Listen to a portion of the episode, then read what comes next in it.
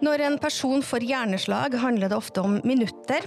I dag skjer diagnostikk og behandling inhospitalt. Er det mulig å flytte CT-maskiner fra sykehuset og ut i den prehospitale tjenesten, i ambulansen og luftambulansen, for å stille diagnose og gi behandling der hvor pasienten er? Og hvor nærme er vi å få det til?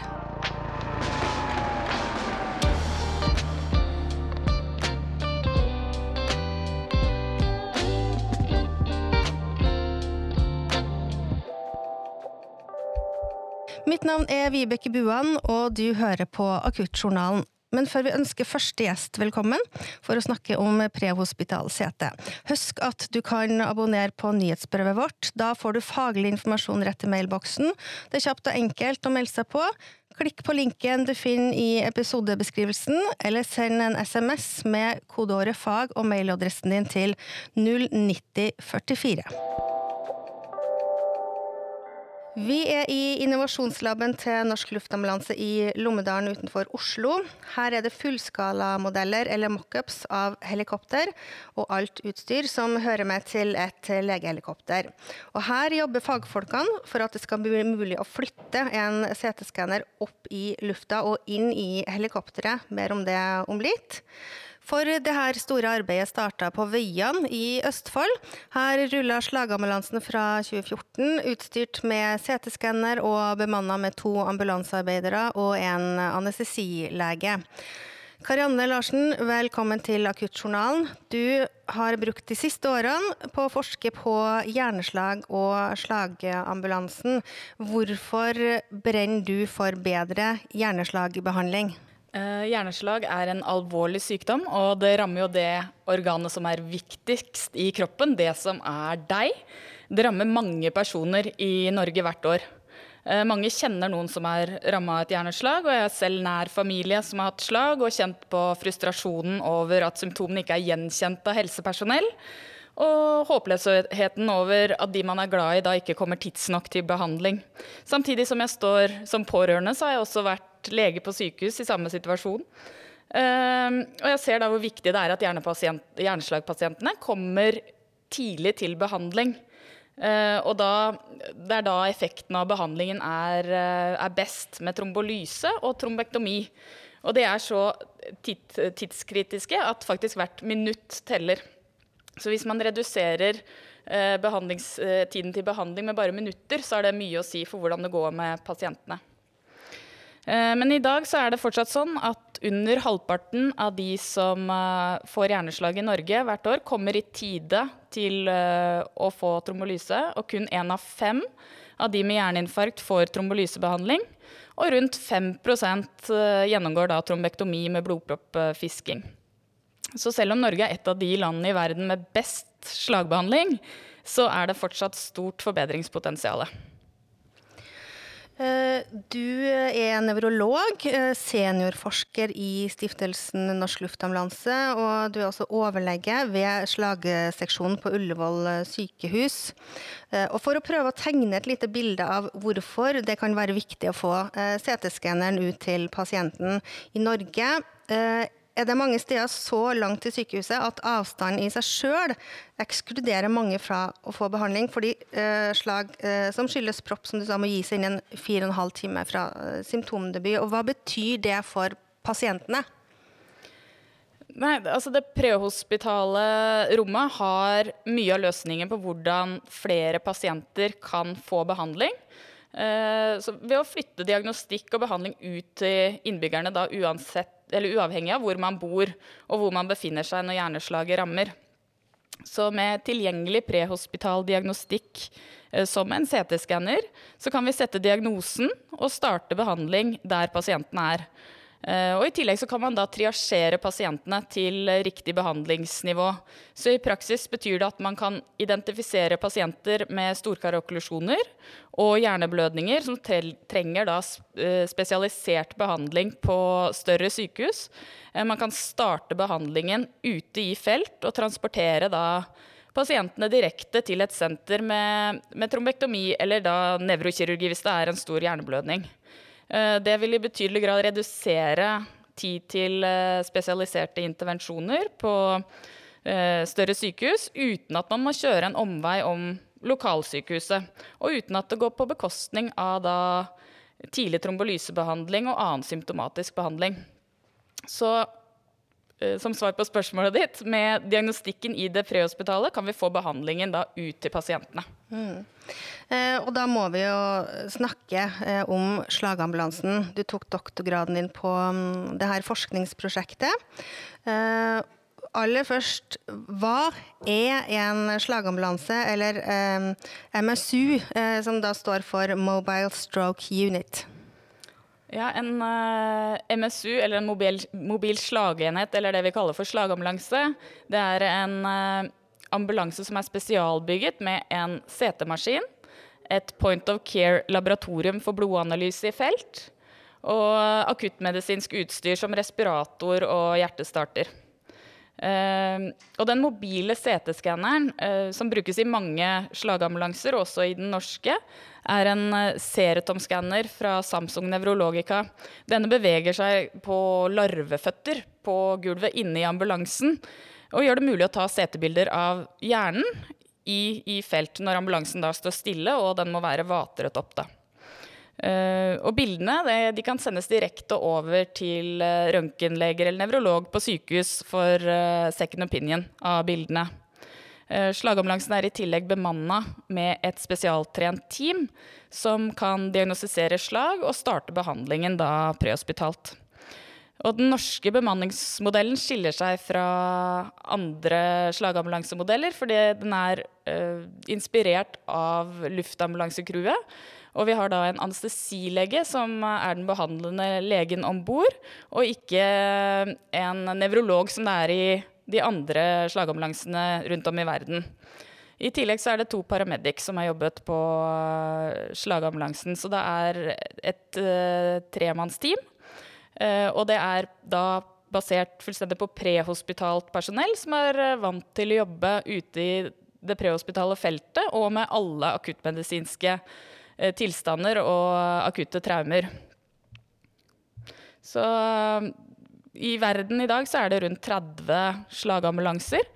Eh, de fleste er i Europa og i Nord-Amerika, men det er også slagambulanser i Australia, Asia og Sør-Amerika. Så de fins over hele verden, men de fleste opererer nå i form av prosjekter og er avhengig av eh, ekstern funding.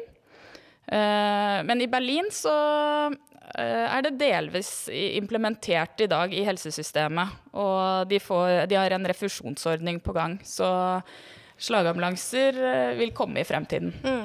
Eh, den norske slagambulansestudien det var et samarbeidsprosjekt med Stiftelsen Norsk Luftambulanse og Sykehuset Østfold. og det er den eneste slagambulansestudien som er gjort i Norden.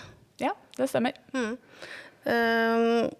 Og et av de viktigste funnene fra den norske slagambulansestudien er at pasienter i slagambulansen får blodfortynnende behandling eh, rundt 20 minutter tidligere enn ved vanlig ambulansetransport og sykehusbehandling. Og I tillegg så ser dere at opptil 13 ganger så mange pasienter blir behandla innenfor den første timen, når behandlinga har størst effekt. Var det overraskende? Altså, Vi hadde selvfølgelig trua på slagambulansemodellen når vi begynte studien, men det her er jo ikke noe man kan vite på forhånd, så det er jo nettopp derfor vi gjorde forskningsprosjektet. Eh, og faktisk så fikk ikke slagambulansen ved studiestart tillatelse til å rykke ut til de pasientene som var nærmest sykehuset, i en radius på eh, ti minutters kjøretid fra sykehuset, nettopp fordi man var redd for at slagambulansebehandlingen faktisk skulle forsinke prosessen, da. Ehm, for de pasientene da, som hadde kortest kjøretid til sykehus. Så retrospektivt så er det kanskje lett å si at også disse pasientene burde fått slagambulansebehandling. Um, fordi selv om pasientene bor nærme, så er det kanskje ikke så lett for oss som jobber inne på sykehuset å se at det faktisk tar veldig lang tid allikevel. For pasientene skal finne ut at de har et slag. Eh, de skal ringe AMK, AMK skal kalle ut en ambulanse og kjøre hjem til pasienten. Kanskje eh, de må opp eh, i femte etasje, gjøre undersøkelse, melde pasienten inn til sykehus. Ta pasienten som kanskje har store funksjonshemninger, ned trappene. Og ting tar veldig lang tid. og lengre tid enn man tror. Så å behandle folk i den første timen, det er veldig sjelden på sykehus. Og nettopp fordi at den første timen, det er da pasientene er prehospitalt.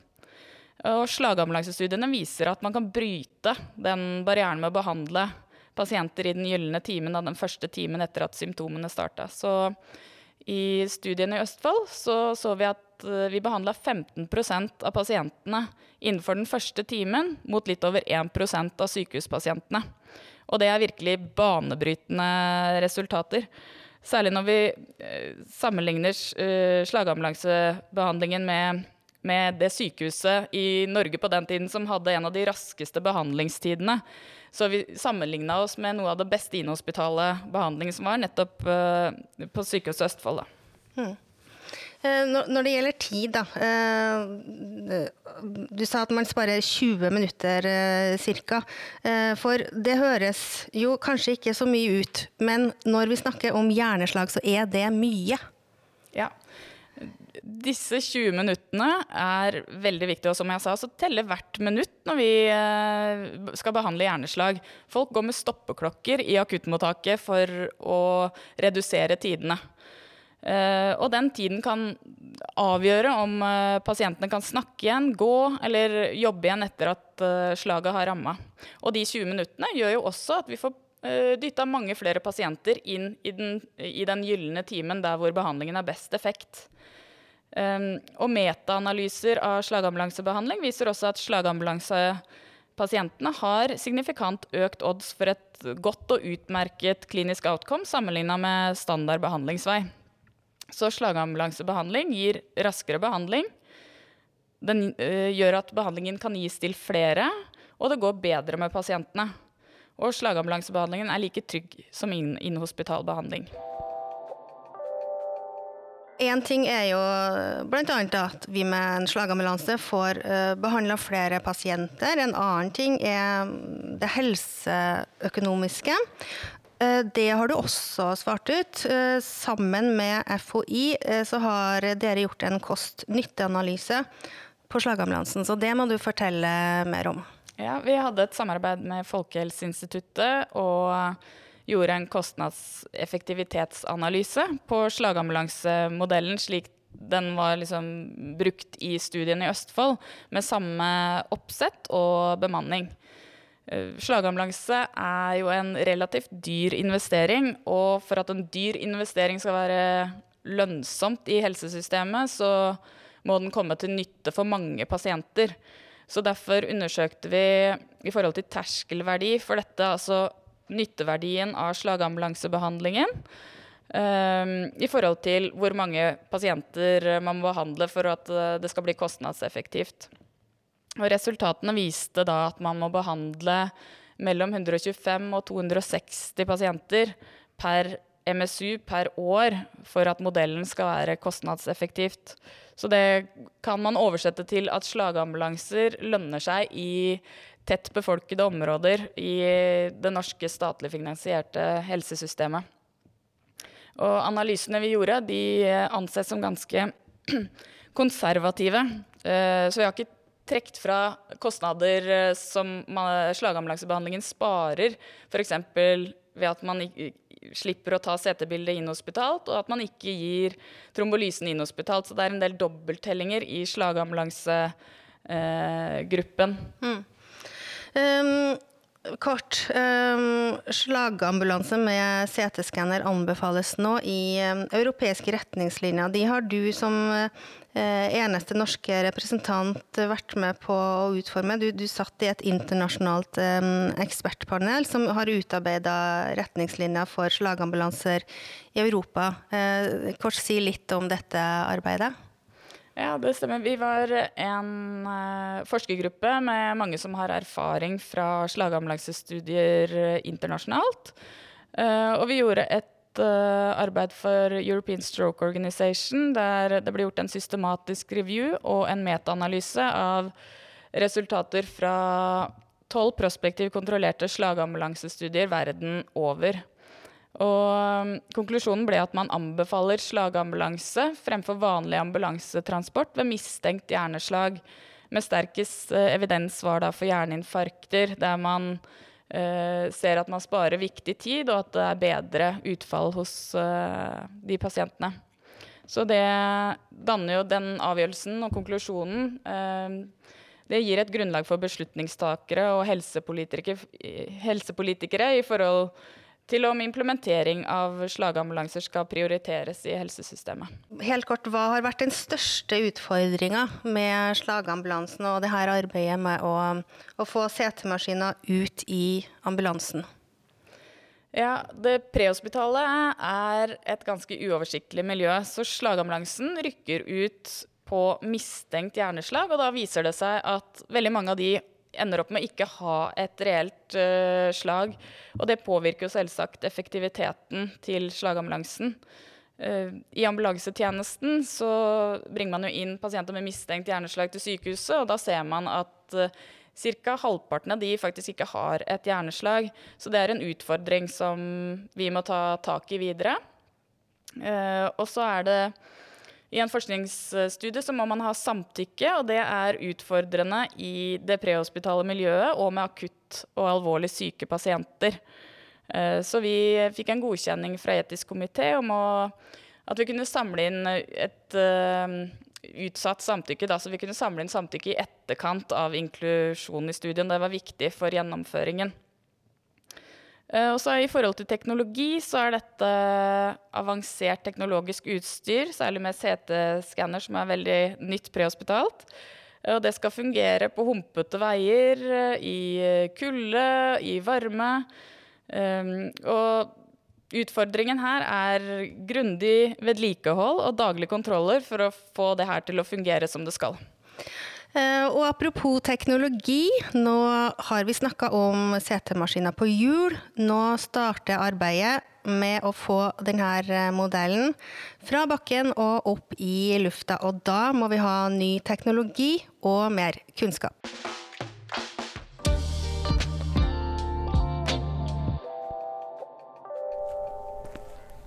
Her i innovasjonslaben står serietommen, CT-skanneren som ble brukt i slagambulansen.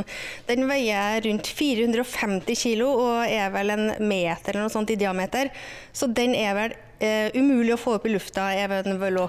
Ja, det har du rett i. Eh, 450 kg er altfor tungt for et helikopter. Volumet er også stort, og så er den ikke lagd for det tøffe miljøet som et helikopter er, med vibrasjoner. Even, du er industridesigner eh, og prosjektleder i stiftelsen Norsk Luftambulanse. Veldig hyggelig å ha deg som gjest i podkasten vår. Takk. Du står eh, også her med en modell av det som vi håper skal bli den nye CT-skanneren for framtida. Skal du ikke bare ta den under armen, så går vi bort til til mockupen. Det, det, er en fullskalamodell av et 145 Airbus-helikopter et legehelikopter som er mye i bruk i Norge. Og så kan du bare installere den nye modellen der nå. Og så sier vi samtidig velkommen til Hans Morten Lossius. Eh, du er professor i akuttmedisin og generalsekretær i stiftelsen. Hans Morten, hva tenker du når du ser fremtidens eh, CT-skanner i, eh, i helikoptermockupen her? Nei, det tenker jeg er en revolusjon. Det er en revolusjon. Og så tenker jeg nå er det ikke lenge til noen skrur på lyset. Det vil si at jeg kan se ting som jeg før måtte lete etter i blinde. Det er helt fantastisk i et krevende prehospitalt miljø å få hjelpemidler som hjelper deg å, å diagnostisere. Even, hvor, uh, hvor, langt har vi Hvis vi skal bare ta helt kort om den serotomen, da, den gamle, eller unnskyld, konvensjonelle teknologien. Hvor langt har vi kommet med å slanke uh, den fra 450 kg ned med et mål om at den kan passe i et helikopter? Vi kom veldig langt. Vi klarte å få den ned i ca. 200 kg. Dvs. Si vi plukket av den alt det utstyret som den bruker når den er på et sykehus. Hele fremdriftssystemet og veldig mye som ikke vi trengte i helikopteret. Men 200 kg er fortsatt veldig tungt for et uh, helikopter. Og den konvensjonelle teknologien med en, et røntgenrør, eller røntgengenerator, som må jobbe på 2000 grader og gå rundt og, ha mye bevegelige deler, er ikke lagd for det miljøet. Og godkjenningsmessig også så møtte vi veggen på det. Mm. Men da kom jo den nye teknologien. Ja. Eh, Stikkordet er nanoteknologi. Ja. Du har kalt det et paradigmeskifte. Hva er det som har endra seg? Um, Hva er det som er nytt her? Jo, først og fremst så er det jo teknologien. Eh, nanoteknologi den baserer seg på røntgengeneratorer som jobber på 20 grader, altså romtemperatur. Det er ingen bevegelige deler. Du har ikke en generator som går rundt hodet. Du har mange generatorer som sitter i en ring rundt hodet, som tennes én og én. Du kan sammenligne det med glødelampe, hvor en glødelampe er 95% varme, 5% lys. Og hvis du skrur av og på en glødelampe ofte, så går den i stykker. LED-lys kan du skru av og på så mye du vil, og det er 95% lys, 5% varme. Så det er liksom paradigmeskiftet her. Ingen bevegelige deler, mye lavere vekt. Vi er nede i under 50 kg. Og volummessig så er den jo 20% av størrelsen. Og det, den ringen som er rundt hodet her, er ca. 80 cm i diameter og bare 5 cm tykk. Så her har også pasienten veldig god plass rundt seg. Så du får ikke den klaustrofobiske følelsen når du stikker i hodet inn i det lille hullet som ser ut som en har. Men eh, Hans Morten, da, eh, hvordan passer det her inn i dine visjoner? Du har jo jobba i, i den prehospitale tjenesten i mange år. Du Du også på, på redningshelikopter og legehelikopter, og du har forska på hjerneslag eh, og akuttmedisin, for å nevne noe. Nei, altså Skal man lage en god helsetjeneste som virkelig kommer pasientene til gode, så må man ta utgangspunkt i pasienten. Man må tilpasse systemet til pasienten. Og jeg mener at vi som kollegium vi altfor ofte legger vekt på å tilpasse pasienten til vårt system. Det å virkelig ta eh, jernslagpasienten på alvor, ikke som da jeg var ung doktor og se på rehabilitering som den viktige måten å behandle en hjerneslagpasient på, men virkelig gå inn og se på det som en akuttmedisinsk tilstand, så må vi tilpasse systemet. Og da må vi diagnostisere så tidlig som mulig, og vi må behandle så tidlig som mulig. Så her går det på å tilpasse vårt system. Og jeg har sett det gang på gang med ulike eh, pasientgrupper, ulike behandlingsformer, at vi greier å utvikle systemet sånn at det passer til pasienten. Ultralyd er et annet veldig godt eksempel. Så hvorfor ønsker da stiftelsen å, å bruke ressurser på å få setemaskiner inn i legehelikopteret? Jo, For Stiftelsen har til formål å fremme prehospital avansert akuttmedisin. Dvs. Si å gi pasienten den behandlingen når pasienten trenger det. Systemet rykker ut til pasienten istedenfor å sitte fast og rope på pasienten og be pasienten komme inn. Dette med hjerneslag og en CT ut er jo et kjempeeksempel på nettopp det. Å bringe behandlingen ut til pasienten. Vi har et godt, veletablert luftambulansesystem i Norge. Og ved å gi det flere verktøy, bruke det potensialet bedre, målrette det mer mot de pasientene som trenger det, så tilpasser vi systemet til pasienten og får et mer effektivt helsevesen. Even, eh, hvordan er det vi overfører erfaringer og kunnskap fra slagambulansen, som vi har hørt eh, mye om tidligere her, da, og til luftambulansen med denne nye nanoteknologien? Jo, som Karianne nevnte, så slagambulansen har jo vært bemannet av et eh, tre-crew-oppsett, sånn som det er i luftambulansetjenesten, med anestesilege, pilot med medisinsk eh, utdanning og mm, sykepleier, redningsmann, sånn at vi kan ta det direkte videre. Og så har vi også denne linken mot sykehus, som vi testa veldig mye ut i slagambulansen. At vi bruker eksperter inne på sykehuset til å sikre at bildene blir riktig lest. Så det er veldig mye som er overførbart der. Og så har vi ikke minst pasientbehandlingen i forhold til et sykehus hvor du har pasienten liggende på et eh, bord i arbeidshøyde, og det står et helt team rundt. Så er dette en mye trangere kan du si, miljø, hvor pasienten er, ligger på gulvet, og legen sitter i en stol eller på knærne og er alene med pasienten. Det har vi gjort mye erfaring med ut i slagambulansen, som vi kan ta direkte inn i helikopteret. så tenker jeg det at eh, det å bruke Altså det å virkelig få, få tatt en tidlig diagnose, eh, det gjør at du kan også behandle tidligere. Men det er jo en del pasienter som skal inn på sykehuset til videre behandling. Og det å få en riktig triasje er også enormt eh, tidsbesparende. Eh, Det gagner pasienten først og fremst, men det gagner også helsevesenet. Det å kunne avgjøre tidlig hva slags videre behandling skal denne pasienten ha, og hvor skal pasienten hen. Og det vil jo en sete i et legehelikopter kunne bidra i stor grad til. Bedre presisjonen.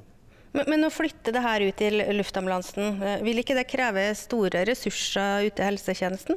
Hvem, hvem, av dere har lyst til å svare på det? Hvis vi ser på det tekniske først, da. Så en CT-maskin i dag eh, koster jo mange millioner kroner, som er en stor investering. Og krever et eh, team rundt som er spesialister, og som også har høyt kostnadsnivå. Nå snakker vi nok mer om hundretusener av kroner for en CT-maskin, som kan betjenes av luftambulansekrewet som er på vakt uansett.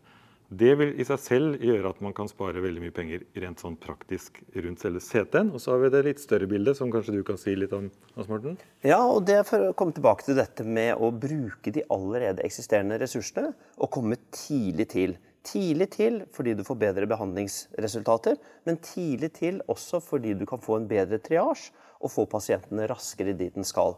Det er jo mer og mer en kommende ting å drive intervensjonsbehandling også av hjerneslagpasienter. Men det gjør man bare noen få steder. Og da må pasienten dit så raskt som mulig. En CT ute prehospitalt vil kunne sette en diagnose som begrunner en behandling på et intervensjonssenter. Og med helikopter så kan du da komme raskt til det riktige sykehuset. Ikke bli fraktet med ambulanse fra sted til sted for å komme til det riktige sykehuset. Even, hvordan er oppsettet som dere jobber med her? Jo, eh, båre og pasient på, er på samme sted som i legehelikopteret i dag. Og den eh, CT-skanneren står da foran hodet til pasienten og bak setet til redningsmannen. Det vil si, når vi skal gjøre en skann nå, så tar vi tak i båra og skyver den fram, slik at pasientens hode er ca. midt inne i åpningen på CT-skanneren. Denne CT-skanneren er ikke så nøye med hvor plasseringen av hodet er. For det er et større eh, kan du si, eh, bilde som blir laget. Sånn det, og det går mye raskere. Det tar ca. bare fire sekunder for å ta ett skann, så er du ferdig. Og det som også er unikt med denne teknologien, at ved å trykke på en eh, knapp, så kan du skifte mellom at det er en CT-skanner og et røntgenapparat.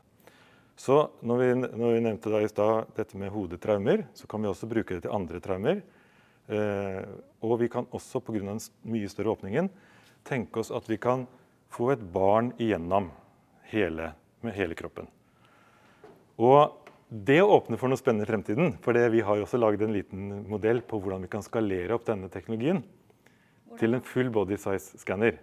Og Den får vi også plass i bak i helikopteret. Og Da kan du skanne pasienten på vei inn, hele kroppen. Og det vil være neste steg igjen alle som jobber med forskning og utvikling, vet jo at det tar eh, tid. Det er et, det er et langt og stort arbeid eh, dere har foran eh, dere her. Det er jo viktig å si. Hvor realistisk er det at vi ser en CT-maskin i legehelikopteret om noen år? Teknisk så har vi kommet veldig langt. Vi jobber med et australsk teknologiselskap som har utarbeidet denne teknologien. Den brukes i dag i røntgenapparater prehospitalt, og den er gjennomprøvd.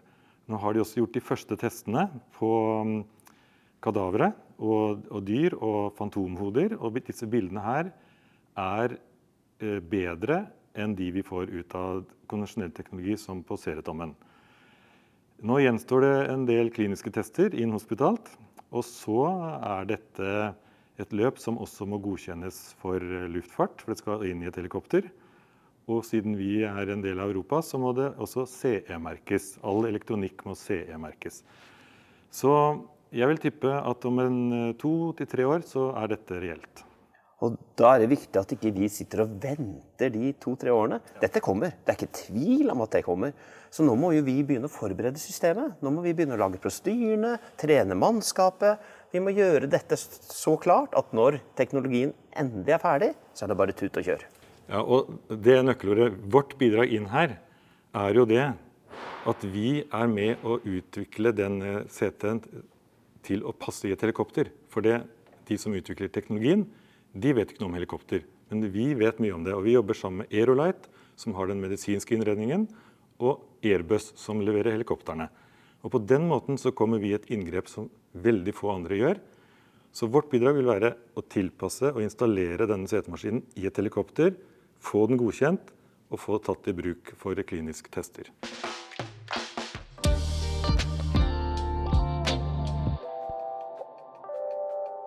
Karianne, det tar eh, tid før vi får eh, CT-maskiner i helikopteret. Hva gjør vi i mellomtida? Eh, slagambulansen var jo et forskningsprosjekt, og den er ikke implementert i Norge i dag. Så vi ønsker å jobbe videre med implementering på bakgrunn av de gode resultatene vi har fått i studien.